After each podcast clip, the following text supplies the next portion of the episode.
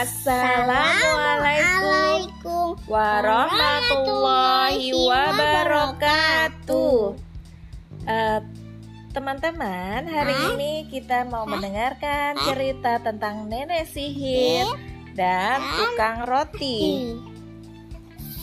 Suatu hari Dahulu kala di Amerika tinggal seorang tukang roti bernama Pak Bas dengan istrinya.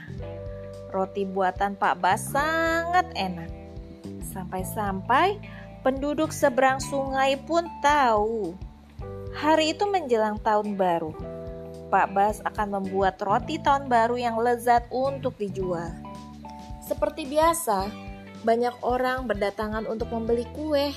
Ketiga Tak terasa hari sudah menjelang sore. Keempat Pak Bas pun segera menutup tokonya. Namun, kemudian datang seorang nenek penyihir berpakaian aneh. Nenek itu berkata,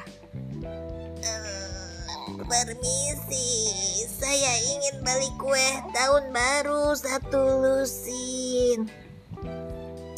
Pak Bas segera mengambilkan kue untuk nenek penyihir itu.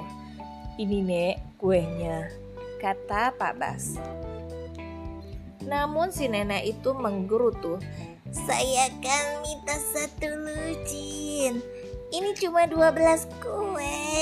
Saya minta satu lagi. Pak Bas kemudian menjelaskan kalau satu lusin itu berjumlah 12 kue. Akan tetapi, si nenek penyihir meminta satu kue lagi. Pak Bas jadi jengkel. Pergilah dari sini, mintalah kue pada hantu-hantu jahat di luar sana. Usir Pak Bas. Si nenek penyihir merasa marah dan sedih karena tidak mendapat kue tahun baru. Ia pun pergi meninggalkan toko. Ah, Pak Bas kesal sekali hari ini. Setibanya di rumah ia menceritakan kejadian di toko pada istrinya. Ibu Bas hanya tersenyum.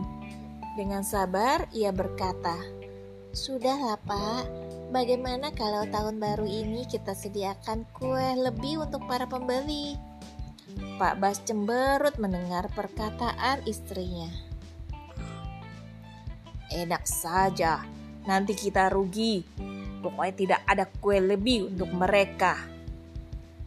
Wah, pelit sekali Pak Bas. Esoknya, Pak Bas kembali membuat kue dan membuka tokonya. Akan tetapi, terjadi hal-hal yang aneh. Tiba-tiba saja uang Pak Bas dari penjualan kuenya hilang. Tempat memanggang kuenya meledak. Peralatan peralatan membuat kuenya juga rusak. Kejadian itu berulang terus sampai akhirnya toko kue Pak Bas menjadi rugi. Pak Bas kebingungan. Kemudian ia mengingat-ingat, apakah ia pernah berbuat sesuatu yang membuatnya tertimpa sial? Ah, jangan-jangan karena perkataanku pada si nenek. Apakah dia itu penyihir? Tiba-tiba terdengar suara tawa halus di dekat Pak Bas. Itulah hukuman dari kami, hantu-hantu tahun baru. Akibat kau perayaan tahun baru. Sekarang kau harus meminta maaf kepada penyihir malang itu. Hihihi. Setelah suara itu menghilang, ternyata si nenek sihir sudah berada di hadapan Pak Bas. Dengan muka cemberut ia berkata, Aku mau membeli kue tahun baru satu lusin. Kali ini Pak Bas bergegas mengambilkan 13 kue tahun baru dan berkata, Nah, ini Nek, satu lusin kue tahun baru. Dan maafkan saya ya Nek. Si nenek mengambil kue sambil tersenyum. Lalu ia berkata pelan, Kutukanku sekarang sudah berakhir. Sekarang berjanjilah padaku. Untuk seterusnya, satu lusin kue itu akan tetap berjumlah 13. Pak Bas mengangguk.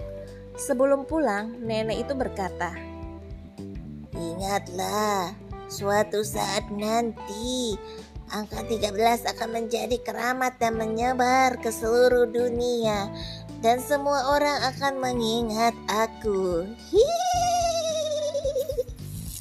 Nah, begitulah cerita tentang nenek sihir dan tukang roti. Terima kasih. Dadah semuanya.